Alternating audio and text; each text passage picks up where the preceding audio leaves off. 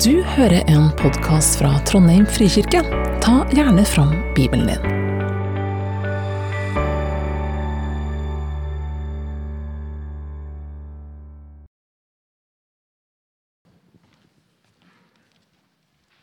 Ehm,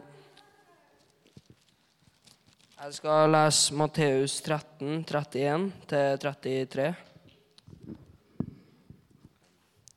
Han fremsatte en annen lignelse for dem og sa:" Himlenes rike er likt et sennepsfrø som en mann tok og sådde i åkeren sin.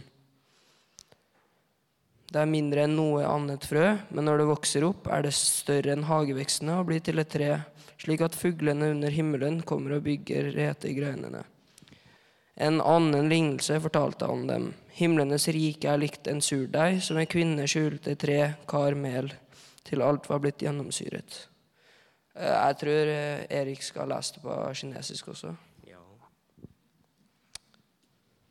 呃，耶稣呃又给他们讲了一个故事：上代的王国就像一粒芥菜粒，有人拿去把它种在地里，它是所有种子里最小的一粒。可是当它长起来后，成了院子里最大的一棵植物，嗯、大的连天上的鸟也来在它的枝杈间筑巢。嗯、耶稣还给他们讲了另一个故事。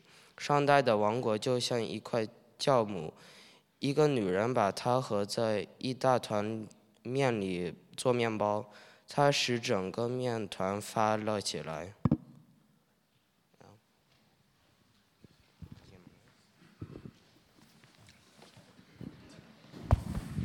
Hallo. Jeg må si jeg blir alltid så imponert når folk kan lese det som står, det som står der. Eh, Jeg syns de fortjener en klapp. Jeg både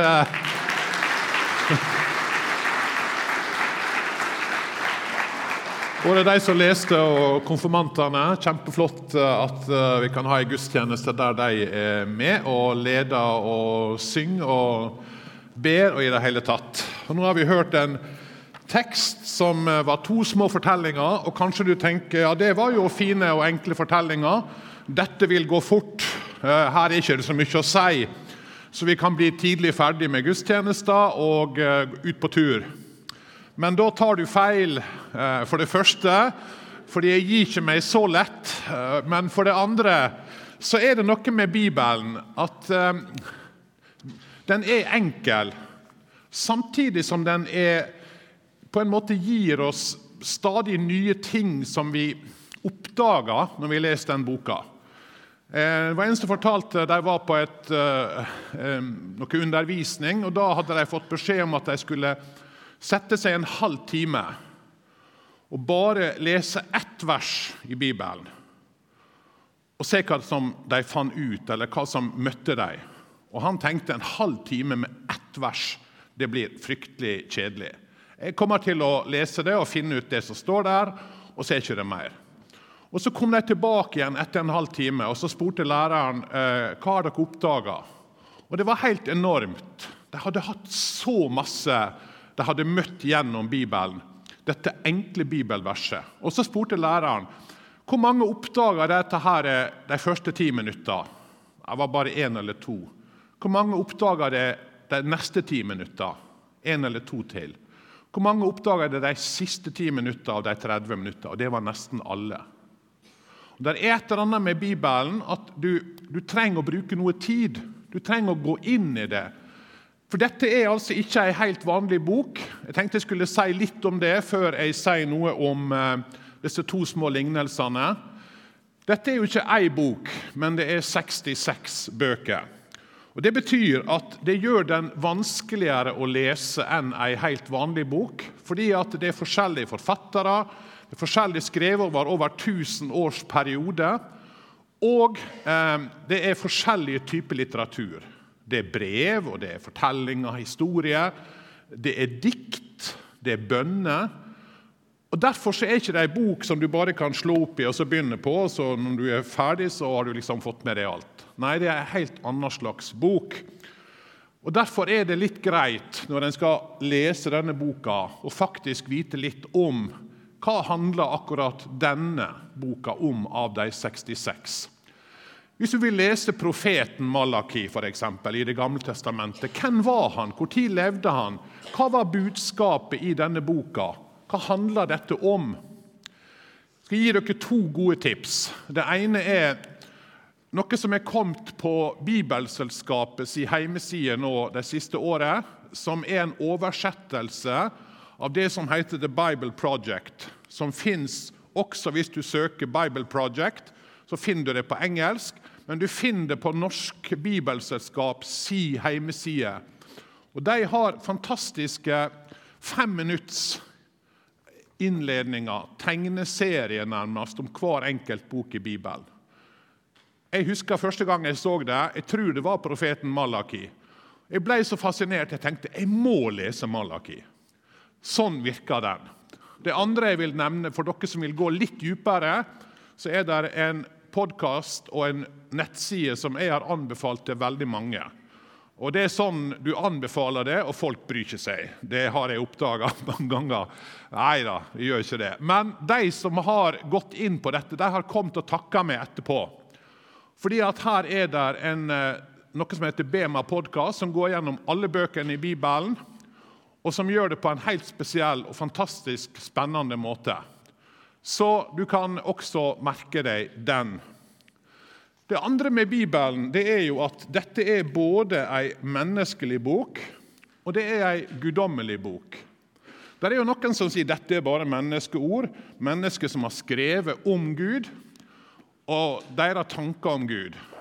Og så er det andre som sa nei, dette er en guddommelig bok, nærmest dalt ned fra himmelen, eller at Gud har diktert og Paulus har på en måte bare og skrevet det som Gud har diktert til han. Jeg tror begge deler blir feil, og begge deler gir oss et feil bilde av hva denne boka er. Fordi dette er en menneskelig bok. De Forfatterne de brukte sitt språk, sin erfaring, sine ord til å uttrykke det som Gud hadde minnet dem om eller lært dem. Samtidig som dette er en menneskelig bok, og som gjør det spennende å finne ut hvorfor bruker Paulus dette ordet, hvorfor bruker ikke han et annet ord, sånne ting. Samtidig så sier Jesus mange ganger at dette også er Guds ord. Når mennesket skriver, så er det Gud som taler. Et eksempel. Eh, når vi leser i Romerbrevet, eh, så leser vi at vi alle tenker at det er Paulus sitt brev, og det er det. Men når vi kommer til slutten, så ser vi jeg, Tertius, som har skrevet ned brevet, hilser dere i Herren. Og Sånn oppdager vi jo at Bibelen er en menneskelig bok. Paulus han skrev nok, eller dikterte nok. Og han her Tertius det er han som har skrevet det ned. Og Sånn ser vi flere plasser i Bibelen. Og Det er spennende å lese om hvordan denne boka har blitt til. Samtidig så sier altså Jesus at dette er Guds ord. Og Et eksempel det er jo i Matteus 19, der Jesus sier har dere ikke lest at Skaperen fra begynnelsen av skapte dem som mann og kvinne, og sa:" Derfor skal mannen forlate far og mor og holde fast ved sin kvinne, og de to skal være én kropp. Gud skapte dem, og Gud sa, sier Jesus. Men hvem, når du leser i Første Mosebok, i kapittel 2, så er ikke det Gud som sier dette. Det er den som har skrevet Mosebøkene. Men det Jesus sier, det er at det som Moses skrev, det sier Gud. Og Det er dette som gjør det til en annerledes bok på mange måter. Vi kan klare å holde fast på at dette både er en menneskelig bok, og det er Guds ord til oss. Og Jesus bekrefter det masse ganger. Dette er Guds ord. Hvert enkelt ord er innånda av Gud, inspirert av Gud. Men ikke som en sånn bok som har dalt ned fra himmelen eller diktert. Men Gud brukte vanlige mennesker. Akkurat sånn som Jesus er både menneske og Gud samtidig, så er denne boka både menneskelig bok og samtidig Guds ord. Og Derfor har det en autoritet, og det er det tredje jeg vil si. Når Jesus gikk her nede, så sa han jeg har fått all makt i himmelen og på jorda. Han som er Gud, han har all makt. Men hvordan bruker Gud sin autoritet? Jo, han bruker det gjennom å snakke. I skapelsen så leser vi om at Gud sier, og så blir det sånn som han sier. Guds autoritet blir utført gjennom hans ord.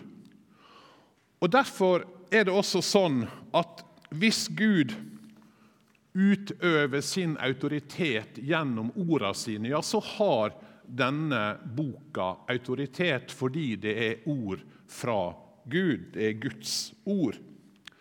Bare ett eksempel. Eh, Jesus møtte Peter. Han var jo fisker.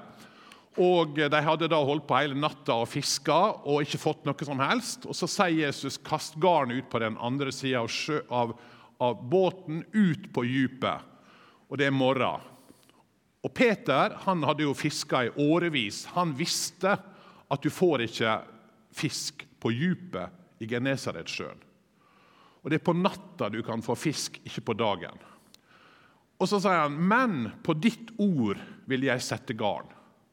Peter tenkte her er det en som har en annen visdom, en annen kunnskap, en annen autoritet enn meg. Og dermed så gjorde han sånn som Jesus sa. Bibelen har autoritet. Og Det siste jeg skal si før jeg skal si noe om disse to små lignelsene, det er dette. Bibelen er både enkel og komplisert. Veldig mye av det som står her, er enkelt å forstå. Det er ikke sånn at du trenger å ha studert teologi i mange år for å skjønne Bibelen. Så veldig mye er enkelt. Samtidig så er det jo ting som er veldig vanskelig, og som du må nesten bruke et helt liv på å få skjønne og forstå hva dette handler om. Men så er det en tredje ting, og det er at eh, det virker som om Bibelen stadig åpner opp nye sider ved det du leser. Slik som jeg nevnte til å begynne med, disse her som gikk en halv time og bare leste én setning, og så så de mer og mer etter hvert. Ikke bare med å lese setninger og tenke ja vel, det var greit, men med å grunne på det, og at Gud åpenbarer mer og mer jo mer vi leser denne boka. Vi har hørt to eh, lignelser da lest. Og Begge er jo egentlig ganske greie. Den første handler jo om at eh, en mann sår sennepskorn ned i jorda. Det blir til et stort tre som fuglene bygger reir i. Og Den andre lignelsen er ei kvinne som tar litt surdeig og legger inn i en stor deig, og alt blir gjennomsyra. Hva betyr det? Jo, Jesus sier Guds rike det ser jo veldig smått ut. Det virker ikke så veldig fantastisk. Det liksom, kommer ikke med fanfarer, det kommer ikke dalende ned fra himmelen i full kraft med trompeter og fanfarer og medieoppslag. Nei, Guds rike det ser lite ut. Men det vokser. Det blir til noe stort. Det kan gjennomsyre, og det kan forandre alt. Og Her kunne jeg ha slutta, og så kunne vi ha gått hjem igjen med egentlig en veldig veldig viktig og god tanke, nemlig at når vi syns Guds rike ser lite ut, og når vi føler at det vi gjør i Guds rike, ikke betyr så mye, så sier Jesus jo det betyr faktisk mye. Det kan forandre, det kan skape vekst. Det du kan bidra med, der du er, det kan gjøre stor forandring. Guds rike er et annerledes rike. Og det er en fantastisk fin tanke. Og En dag sier Jesus, skal det bli virkelig stort, Det skal bli som et kjempetre som alle fugler under hele himmelen finner rede i. Men er det mer? Er det mer enn det? Og Det er her jeg syns Bibelen begynner å bli spennende.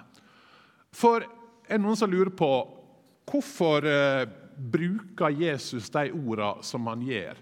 Kan vi oppdage noe mer ved å granske litt mer?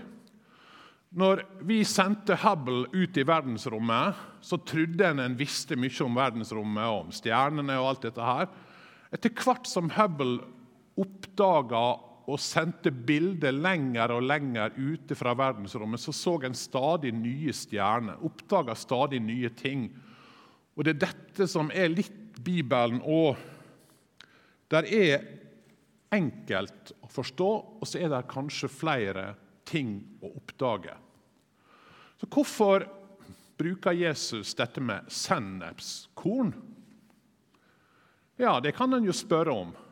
Og Det er lov å stille spørsmål til Bibelen. Jeg tenker at Alle spørsmål du stiller til Bibelen, er bra, fordi da kan du oppdage noe nytt og lære noe nytt.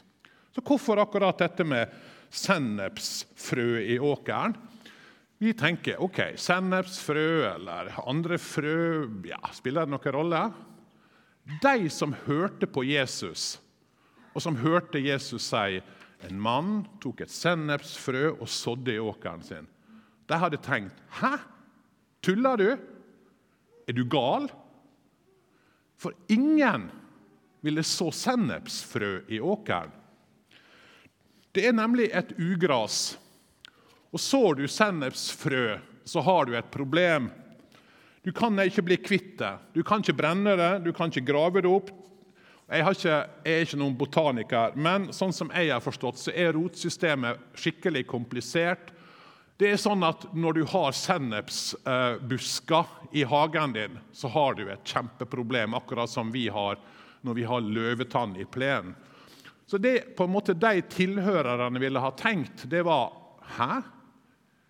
Og Hvis Jesus hadde snakka til oss, så hadde han kanskje sagt en mann gikk og sådde løvetann i hagen sin. Og vi tenkte 'hæ? Hvem gjør det? Hvem er så dum?'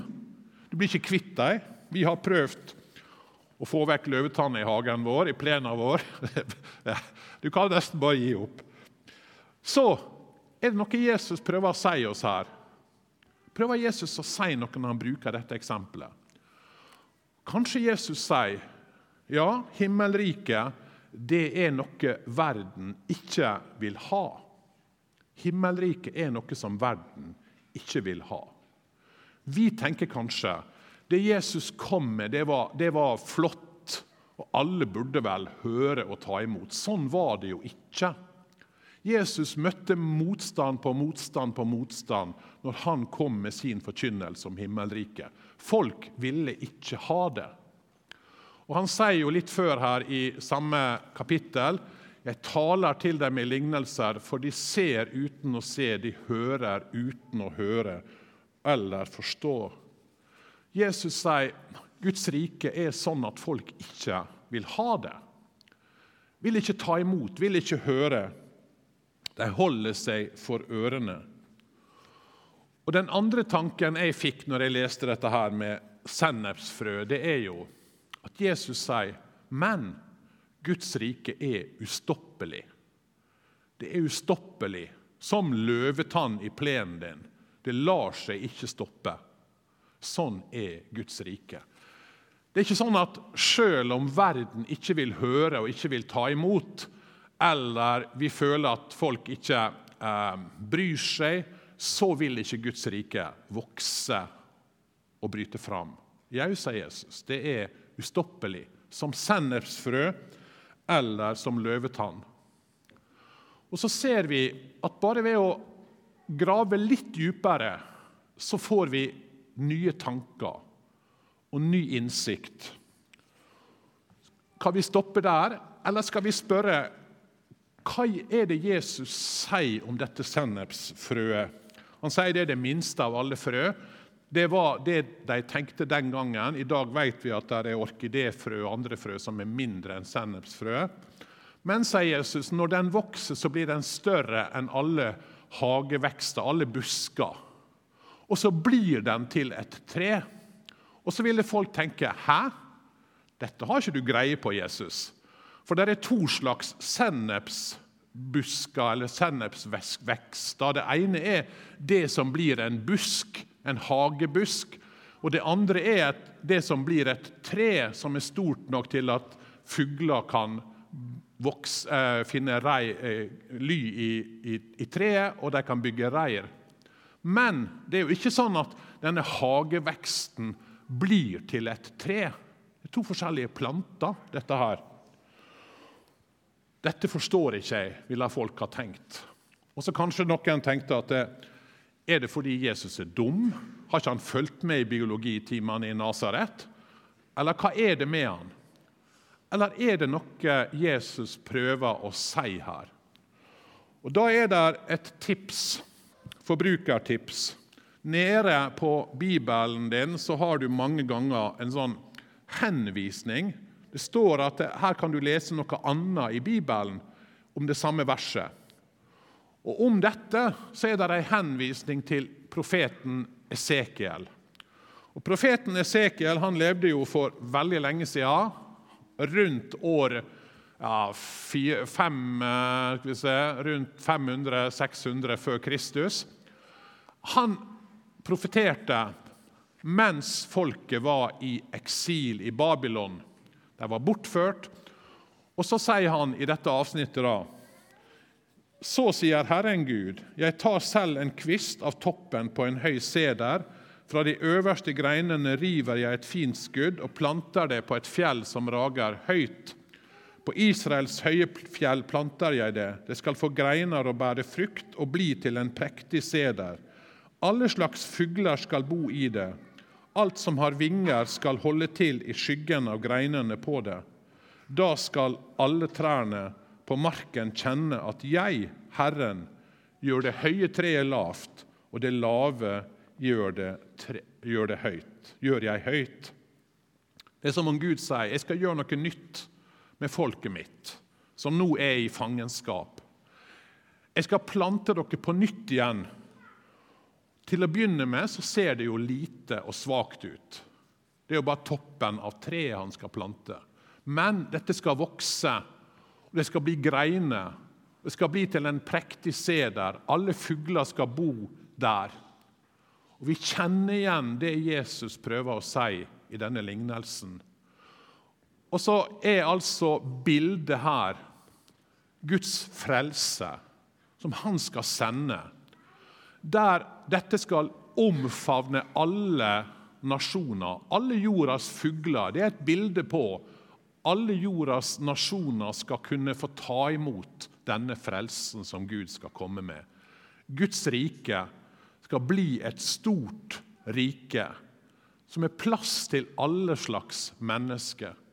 Og så sier altså Jesus, nei, så sier altså Esekiel alle skogens trær skal kjenne at jeg, Herren, tar ned det høye treet og får det lave treet til å vokse seg høyt.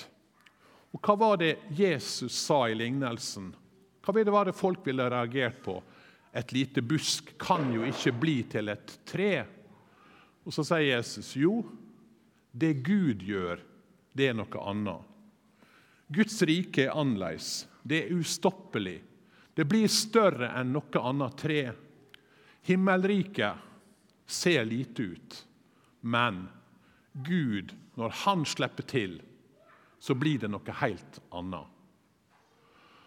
Og så helt da til slutt, kort sagt, den denne andre lignelsen.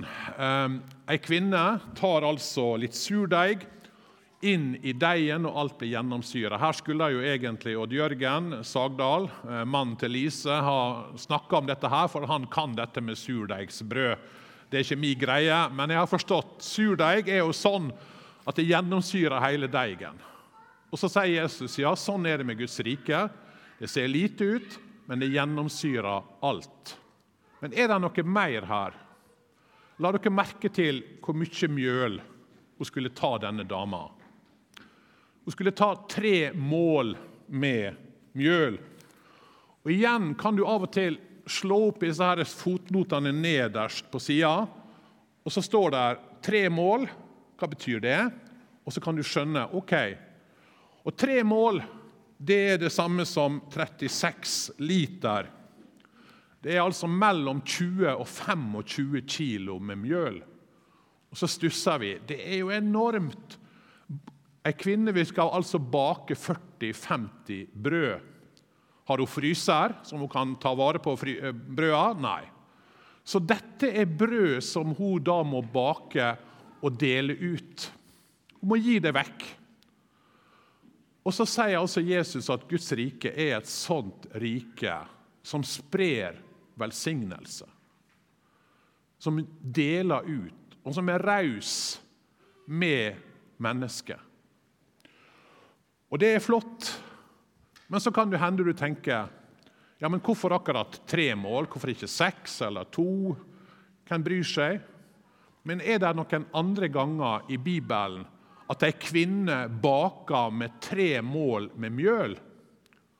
Ja, det er det. Abraham og Sara får en dag besøk av tre menn.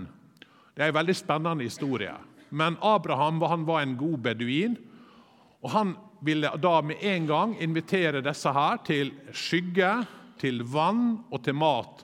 Og Så går han til Sara, kona si, og så sier han, 'Skynd deg, ta tre mål med fint mel, kna det og bak kaker, bak brød.' Hvor mye ber Abraham Sara om å bake? Jo, tre mål. 40-50 brød.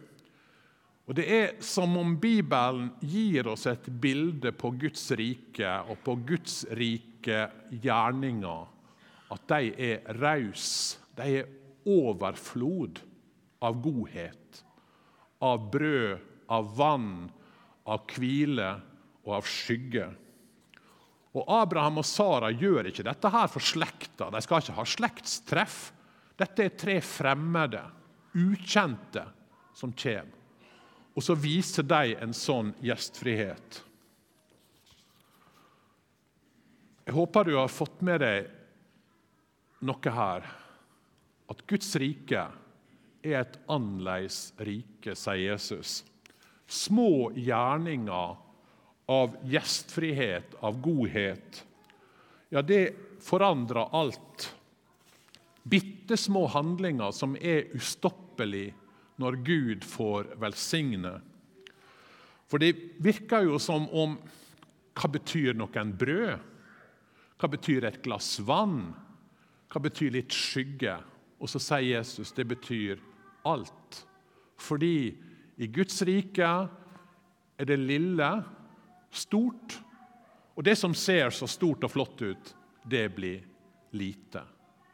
Guds rike er et opp-ned-rike og det er et rike som omfavner alle, der alle kan komme og finne ly og bygge reir, høre til, finne hvile, sånn som fuglene finner det i et tre. Jeg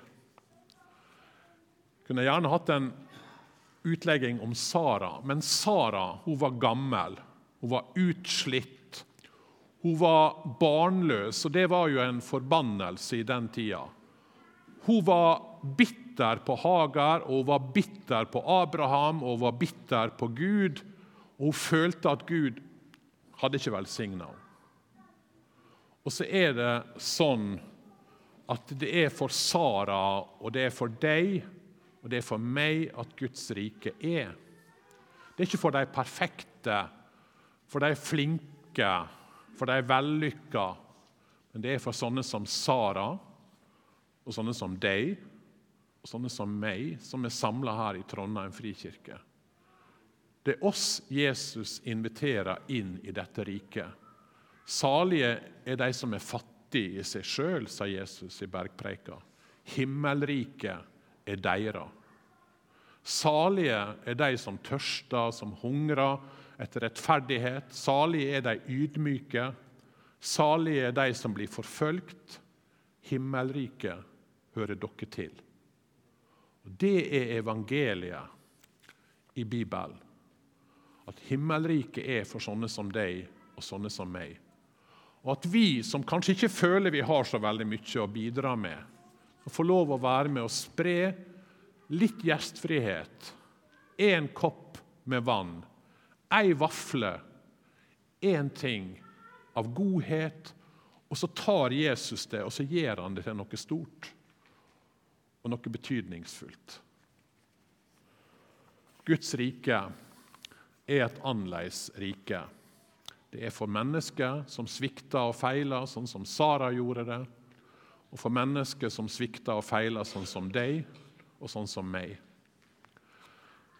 Herre Jesus, takk for at du kom og fortalte oss om et annerledes rike. Et opp-ned-rike som ikke ligner på noe av det som denne verden ja, mener er stort og flott og fint, men som du sier, det vokser, og ingenting kan stoppe det. Og vi skal få være med, og vi skal få være med og bidra, spre din velsignelse. La oss få være mennesker som sprer velsignelse der vi er. Amen.